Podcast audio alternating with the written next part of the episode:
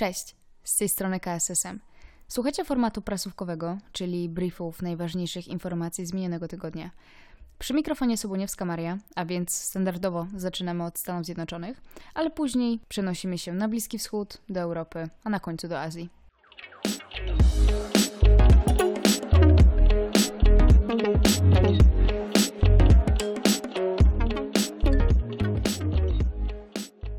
Wiadomości ze Stanów Zjednoczonych rozpoczynamy od wielkiej dramy, a mianowicie dziennik Washington Post opublikował nagranie, na którym ustępujący prezydent Donald Trump naciska na sekretarza stanu Georgia, by ten uwaga, znalazł 11 780 głosów, dzięki którym odwróciłby się wynik wyborów prezydenckich w Georgii. Na żądanie prawników Trumpa stan ten trzykrotnie przeliczał oddane w wyborach głosy. Ostateczne wyniki wykazały zwycięstwo Bidena, który z prawie 5 milionów zdobył o 11 779 głosów więcej niż walczący o reelekcję Trump. Niespodziewane zwycięstwo Bidena w Georgii, czyli stanie, który zwykle głosował na republikanina, dało demokratowi 16 głosów elektorskich więcej. Nawet gdyby Trump zdobył te głosy, oczywiście nie daje mu to nadal szansy zwycięstwa nad Bidenem, który zostanie zaprzysiężony 20 stycznia. Ważne są jednak obecne wybory uzupełniające do Senatu. Jeśli wygrają demokraci, Senat będzie składać się z 50 demokratów i 50 republikanów i w takiej sytuacji przechyla się to na korzyść tych pierwszych, bo decydują decydujący głos będzie miała wiceprezydentka Kamala Harris. Jeśli choć jeden z republikanów wygra, wtedy partia Donalda Trumpa zyska większość i będzie miała możliwość utrącania ustaw Joe Bidena. Wracając jeszcze do sprawy opublikowanego materiału przez Washington Post, to członkowie amerykańskiego kongresu już zwrócili się do FBI o wszczęcie śledztwa w sprawie Donalda Trumpa. Prezydent naciskał na sekretarza Georgii, by, tak jak mówiłam, znalazł dodatkowe głosy, które odwróciłyby wynik wyborów prezydenckich. W czasie rozmowy prezydent zasugerował, że Raffen Spenger mógłby zostać pociągnięty do odpowiedzialności karnej, gdyby odmówił stwierdzenia, że tysiące kart do głosowania zostało nielegalnie zniszczonych w hrabstwie Falton. Teraz przenosimy się na Bliski Wschód, a konkretnie do Iranu. I nie wiem jak wy, ale ja mam jakieś flashbacki, dlatego że równo rok temu wydarzył się podobny scenariusz jak teraz. A mianowicie Iran poinformował w poniedziałek, że wznowił wzbogacenie uranu do poziomu 20% zawartości izotopu U-135, co odbywa się w podziemnych zakładach nuklearnych Fordo na południe od Teheranu. I to oznacza kolejne złamanie zawartego w 2015 roku porozumienia światowych mocarstw z Iranem w sprawie likwidacji jego wojskowego programu programu atomowego w zamian za stopniowe znoszenie nałożonych na Teheran międzynarodowych sankcji. Krok ten utrudni ponadto ewentualne starania amerykańskiego prezydenta elekta Joe Bidena o ponowne przystąpienie USA do wspomnianego porozumienia, z którego wycofał je w 2018 roku prezydent Donald Trump, by móc przywrócić wcześniejsze sankcje. Stany Zjednoczone oczywiście skrytykowały wznowienie przez Iran procesu wzbogacania uranu znacznie powyżej limitu określonego w międzynarodowym porozumieniu właśnie z 2015 roku i uznały to za formę nuklearnego szantażu. Rzecznik Departamentu Stanu powiedział, że wzbogacenie uranu przez Iran do poziomu 20% to wyraźna próba nasilenia kampanii właśnie nuklearnego szantażu, który zakończy się niepowodzeniem. Tymczasem w USA trwa federalna akcja szczepień, która wzbudziła ogromne emocje i wydaje mi się jeszcze większe oczekiwania, ale zaszczepiono jak dotąd tylko 4 miliony osób.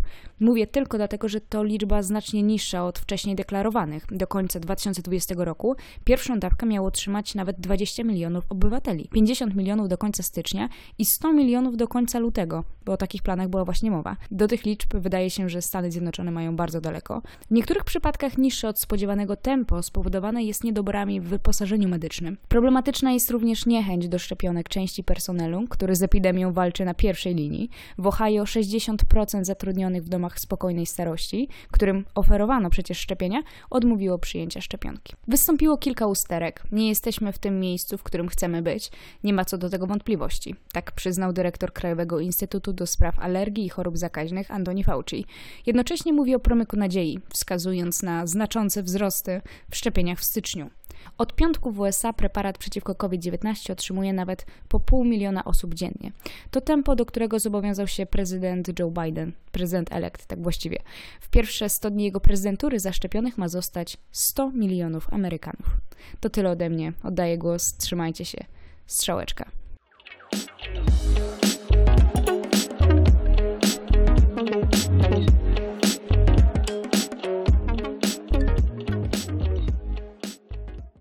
Hej, z tej strony Wiktor Samek spójrzmy, co ciekawego działo się w tym tygodniu na Bliskim Wschodzie.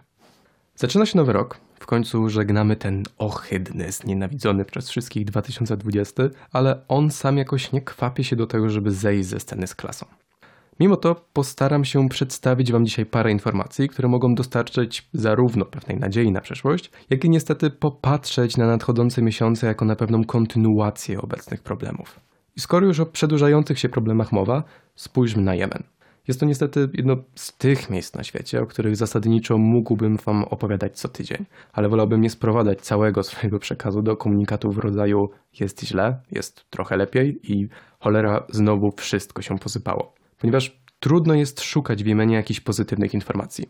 Dalej prawie 80% populacji kraju jest uzależniona od pomocy humanitarnej, a ONZ określa sytuację w kraju jako tykającą bombę mogącą przerodzić się w największy na świecie kryzys humanitarny, o którym w dużym stopniu można mówić, że już teraz rozgrywa się zasadniczo na naszych oczach. W środę do Jemenu, a konkretnie do Adenu, przybył nowy rząd, zaprzysiężony w Riyadzie przez popieranego przez Arabię Saudyjską prezydenta Hadiego.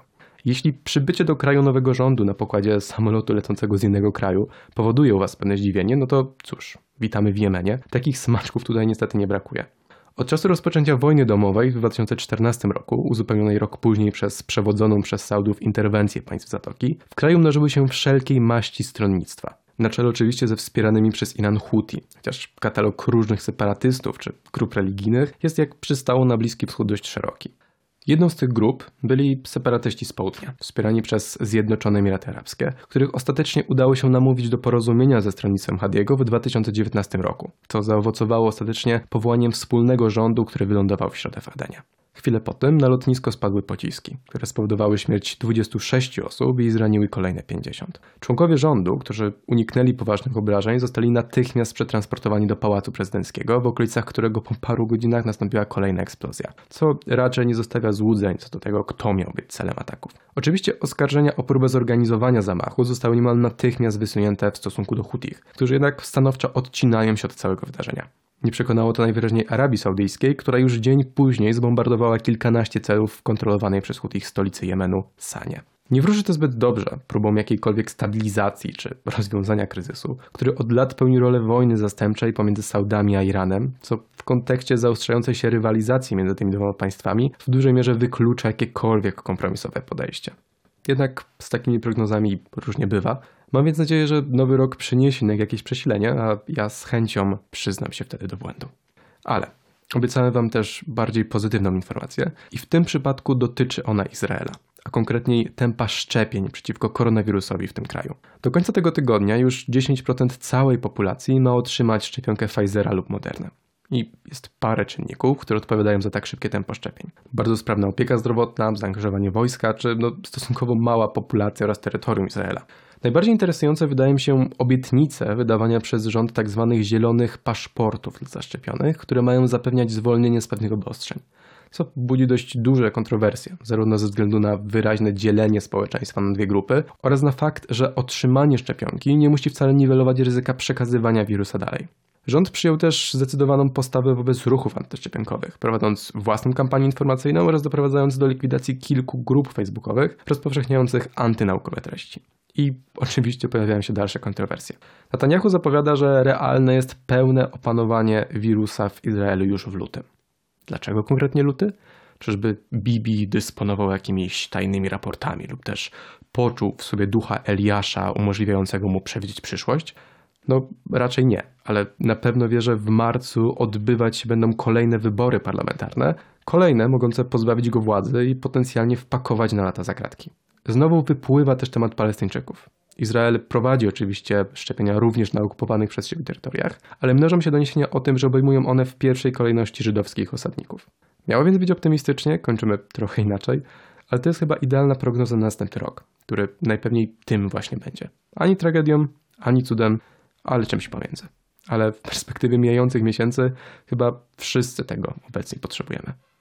A na razie ja się z Wami żegnam i do usłyszenia już za tydzień.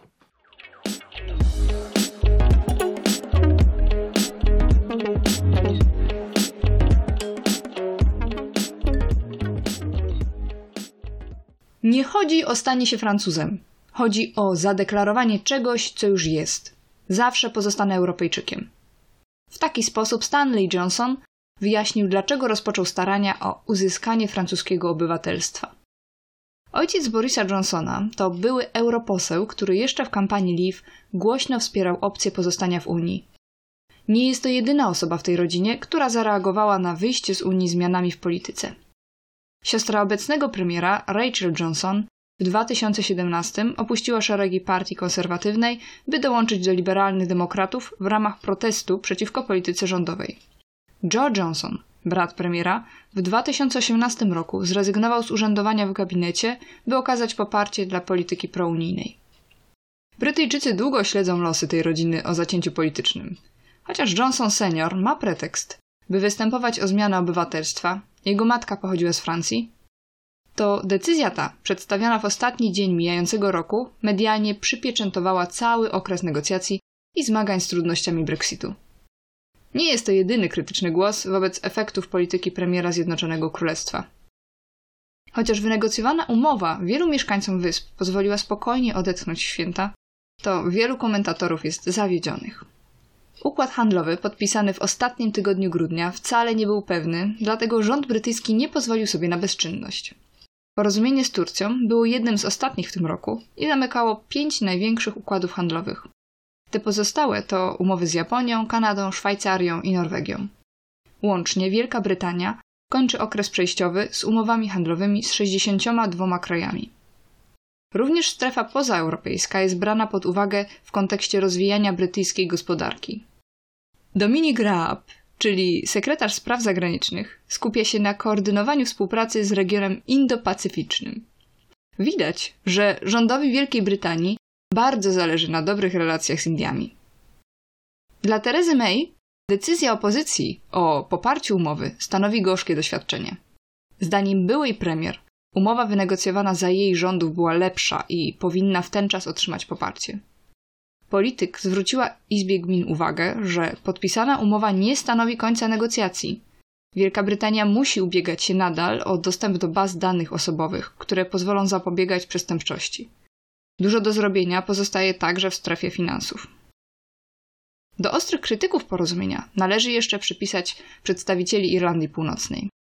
Mija 100 lat od powstania tej części Zjednoczonego Królestwa i 23 od osiągnięcia porozumienia wielkopiątkowego. Obecnie wiele brytyjskich towarów z Wielkiej Brytanii będzie wymagało kontroli celnej i specjalnej dokumentacji. Unioniści czują się oburzeni kształtem porozumienia, ponieważ wcześniej premier obiecywał, że na Morzu Irlandzkim nie będzie granicy. Postrzegają nowy porządek jako zagrożenie, ponieważ zwiększa on polityczny dystans między Irlandią Północną a rządem w Londynie na rzecz zbliżenia z Irlandią. W związku z napiętą sytuacją pojawiają się pełne emocji komentarze. Pierwsza minister Irlandii Północnej, Arlen Foster, stwierdziła: W tym roku kończę 50 lat i od dziecka powtarzano mi, że Zjednoczona Irlandia nadchodzi. Nie nadeszła, ponieważ ludzie zrozumieli, że jest im lepiej poza nią. W Zjednoczonym Królestwie, nie w Republice Irlandii albo w europejskim supermocarstwie. Musimy pamiętać, że w tym wypadku nie chodzi głównie o stosunki gospodarcze, ale o stosunek tożsamościowy. Przykładowo, w Lern, mieście portowym i głównie protestanckim, unioniści postanowili podkreślić swoją identyfikację z Londynem, malując brzegi dróg na czerwono-biało-niebiesko. Niepokój odczuwany w Belfaście szybko nie zniknie. Możemy raczej spodziewać się coraz głośniejszej dyskusji. Przedstawiciele Sinn Féin, partii nacjonalistycznej, proponują nawet ochronę europejskości w Zjednoczonej Irlandii.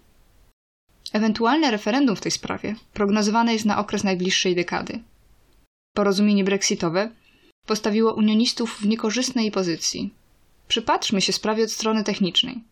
Ludzie urodzeni w Irlandii Północnej mają prawo do wyboru obywatelstwa irlandzkiego, jak i brytyjskiego. Ta pierwsza opcja pozwala korzystać z przywilejów unijnych, podróżując drogą lotniczą. Paszport irlandzki pozwala także na swobodę poruszania się wewnątrz Unii bez potrzeby starania się o wizę w przypadku decyzji o zamieszkaniu, pracy czy studiowaniu w krajach Unii. Irlandia Północna, jako jedyna część Zjednoczonego Królestwa, będzie dalej uczestniczyć w programie Erasmus, co jest możliwe przez wsparcie administracyjne i finansowe rządu w Dublinie. Najbliższe miesiące pokażą, jak uda się wdrożyć porozumienie, i z pewnością nie jest to ostatni raz, kiedy wracamy do kwestii polityki brytyjskiej. Wzbierająca imperialna nostalgia, wyrażana na przykład przez byłego lidera partii konserwatywnej Iana Duncana Smitha, w niefortunnej zachęcie skierowanej do młodzieży, by ponownie dominować świat, nie pozostawia złudzeń, że jeszcze wiele ciekawych sytuacji przed nami.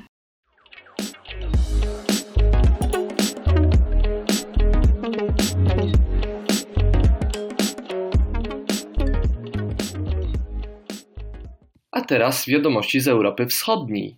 I zacznijmy jak zawsze od Białorusi. Dzieją się tam naprawdę niesamowite rzeczy. Aleksandr Łukaszenka podpisał rozporządzenie o zwołaniu Wszechbiałoruskiego Zjazdu Ludowego, takiego białoruskiego odpowiednika zjazdu Komunistycznej Partii Związku Radzieckiego. Ma się on odbyć 11 i 12 lutego tego roku. Jest to organ pozakonstytucyjny, którego faktyczną rolą było legitymizowanie rządów Łukaszenki i budowanie mitu ogólnopaństwowego uwielbiania prezydenta.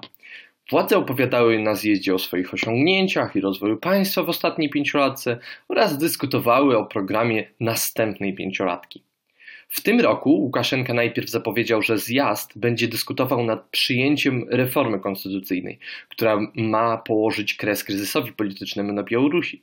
Jednakże 31 grudnia Łukaszenka oświadczył, iż wszechbiałoruski zjazd nie ma uprawnień do zmiany konstytucji i nie będzie jej zmieniać. Łukaszenka także zapewnił, że, tu cytat, zjazd zostanie przeprowadzony szczerze i otwarcie oraz że na zjeździe będą najbardziej postępowi patrioci, a nie jabaćki. Tak się często nazywa zwolenników baćki, czyli Łukaszenki na Białorusi.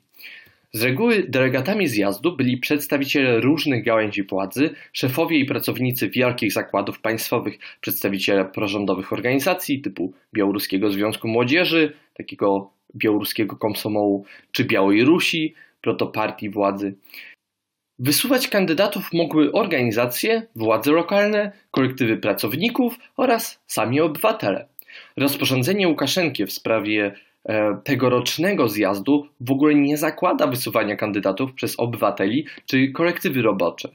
Wybór przedstawicieli, wybierają ich władze lokalne, już się rozpoczął, ale do tej pory nie ma żadnych procedur dotyczących zgłaszania kandydatur. Oznacza to, że najprawdopodobniej wszechbiałoruski zjazd będzie się składał z najbardziej lojalnych wobec reżimu osób. W sumie w zjeździe weźmie udział 2700 delegatów. Dlaczego tylu? Odpowiedzi też trzeba szukać nie w jakichś kwotach przedstawicielstwa regionów czy kolektywów roboczych. Nie odzwierciedla ta liczba żadnej skomplikowanej logiki procesu konstytucyjnego. Delegatów będzie tylu, bo wielka sala Pałacu Republiki liczy właśnie 2700 miejsc siedzących. Światłana Cichanowska i Aleksandr Łukaszenka wygłosili swoje orędzie noworoczne. Oczywiście orędzia były diametralnie różne.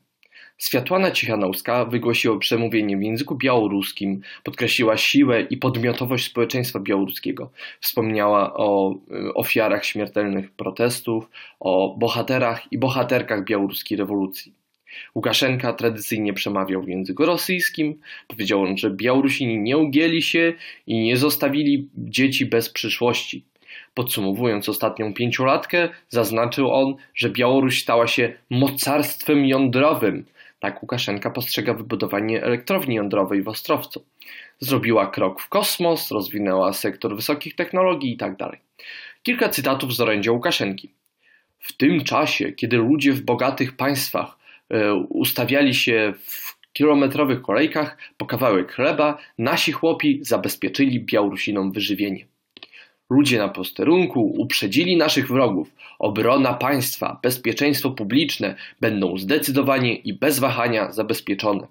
W podsumowaniu Łukaszenka wezwał Białorusinów do odpuszczenia 2020 roku i uświadomienia, że cytat Mamy jedną wartość, skrawek ziemi w centrum Europy. W imię zachowania go dla dzieci przywróćmy stronę i piszmy nowy rozdział niezależnej Białorusi. A protesty wciąż nie ustają. W noc noworoczną milicja białoruska zablokowała autobusami ulice wiodące ku centrum Mińska, obawiając się protestów. Protesty, które były bardziej podobne do wspólnego świętowania, odbyły się w wielu miastach białoruskich oraz osiedlach mińskich.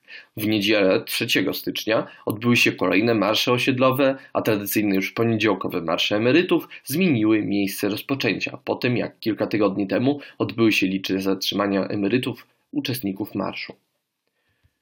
Senat Stanów Zjednoczonych przyjął akt o demokracji na Białorusi który pozwala prezydentowi wprowadzić sankcje wobec osób odpowiedzialnych za pogwałcenie demokracji na Białorusi, sankcje wizowe przeciwko członkom Centralnej Komisji Wyborczej, pracownikom Ministerstwa Informacji odpowiedzialnym za ograniczenie wolności słowa, a także obywatelom Rosji, którzy brali udział w represjach przeciwko społeczeństwu białoruskiemu. Opozycyjną Radę Koordynacyjną akt o demokracji uznaje za legalną instytucję do udziału w dialogu o pokojowym przekazaniu władzy. Także Senat USA nakazuje szukania aktywów Łukaszenki i zamrażania ich. Amerykańskie służby specjalne po podpisaniu aktu przez prezydenta mają zacząć przygotowywać raport o sytuacji na Białorusi oraz o działaniach Łukaszenki i jego najbliższego otoczenia. W znacznej mierze przyjęcia amerykańskiego aktu o demokracji Białorusini zawdzięczają diasporze białoruskiej w Stanach Zjednoczonych oraz innym rosyjskojęzycznym diasporom, które lobbowały przyjęcie tego dokumentu. A teraz wiadomości z Rosji. Rosyjski opozycyjny polityk Aleksiej Nawalny, którego próbowano otruć w sierpniu tego roku, opublikował nagranie jego rozmowy telefonicznej z jednym ze sprawców zamachu. A Nawalny przedstawił się jako doradca głowy Rady Bezpieczeństwa. Prawniczkę Fundacji Walki z Korupcją Nawalnego, Lubow Sobor, yy, zatrzymano po nieudanej próbie rozmowy z jednym z funkcjonariuszy FSB, który prawdopodobnie uczestniczył w otruciu Nawalnego. Wszczęto przeciwko niej sprawę karną o rzekome naruszenie nietykalności mieszkania. Przeciw samemu Aleksiejowi Nawalnemu wszczęto sprawę karną i oskarżono go o defraudację 356 milionów rubli darczyńców jego fundacji. Wystawiono mu ultimatum. Albo natychmiast wraca do Rosji i składa zeznania, albo trafia do więzienia za zwłokę. Nawalny otrzymał ultimatum we wtorek, a do godziny dziewiątej następnego dnia miało się stawić w Moskwie, co było oczywiście niemożliwe. Nawalny ma teraz dwie opcje: albo zostać na Zachodzie, ale stracić część swojego wpływu na politykę rosyjską, albo wrócić do Rosji i trafić do więzienia. Gdyby chodziło nie o Nawalnego, to z pewnością można byłoby powiedzieć, że pierwsza opcja jest bardziej prawdopodobna. Jednak wygląda na to, że Nawalny zamierza wrócić do Rosji. Rosyjska Duma Państwowa pod koniec roku przyjęła cały szereg restrykcyjnych uchwał. Przyjęto uchwałę, która zakazuje rozpowszechniania informacji o policjantach, sędziach i funkcjonariuszy struktur siłowych, nawet jeśli to nie zagraża ich bezpieczeństwu. Kolejna przyjęta uchwała dotyczy imprez masowych wieców, protestów itd., tak władze mogą odmówić przeprowadzenia nawet uzgodnionych z nimi wieców w przypadku zagrożenia zamachu terrorystycznego, także masowe spacery bez haseł i plakatów prawdopodobnie też będą postrzegane jako nielegalne zgromadzenia. Podobnie jest z pojedynczymi pikietami. Za zniesławienie w internecie w Rosji znowu będzie grozić do dwóch lat pozbawienia wolności. Przyjęto także uchwałę o gwarancjach byłym prezydentom. Nie można będzie ukarać byłego prezydenta bez zgody parlamentu. Także byli prezydenci będą mogli zasiadać w Izbie Wyższej Parlamentu, czyli w Radzie Federacji. A teraz wiadomości z Armenii. W Armenii opozycja próbowała zablokować wejście do budynku obrad rządu Armenii. Ponad tysiąc osób zebrało się przy wejściu do budynku, jednakże policja otoczyła budynek i posiedzenie rządu jednak się odbyło. Premier Armenii Nikol Pashinyan Yy, nie tak dawno spotkał się z liderami niektórych partii opozycyjnych, z którymi omawiano m.in. kwestie przedterminowych wyborów parlamentarnych. Biorąc pod uwagę głębokość kryzysu politycznego wywołanego podpisaniem niekorzystnego dla Armenii rozejmu z Azerbejdżanem, przedterminowe wybory do parlamentu i odejście obecnego rządu z Paszynianem na czele jest całkiem prawdopodobną opcją rozwoju sytuacji.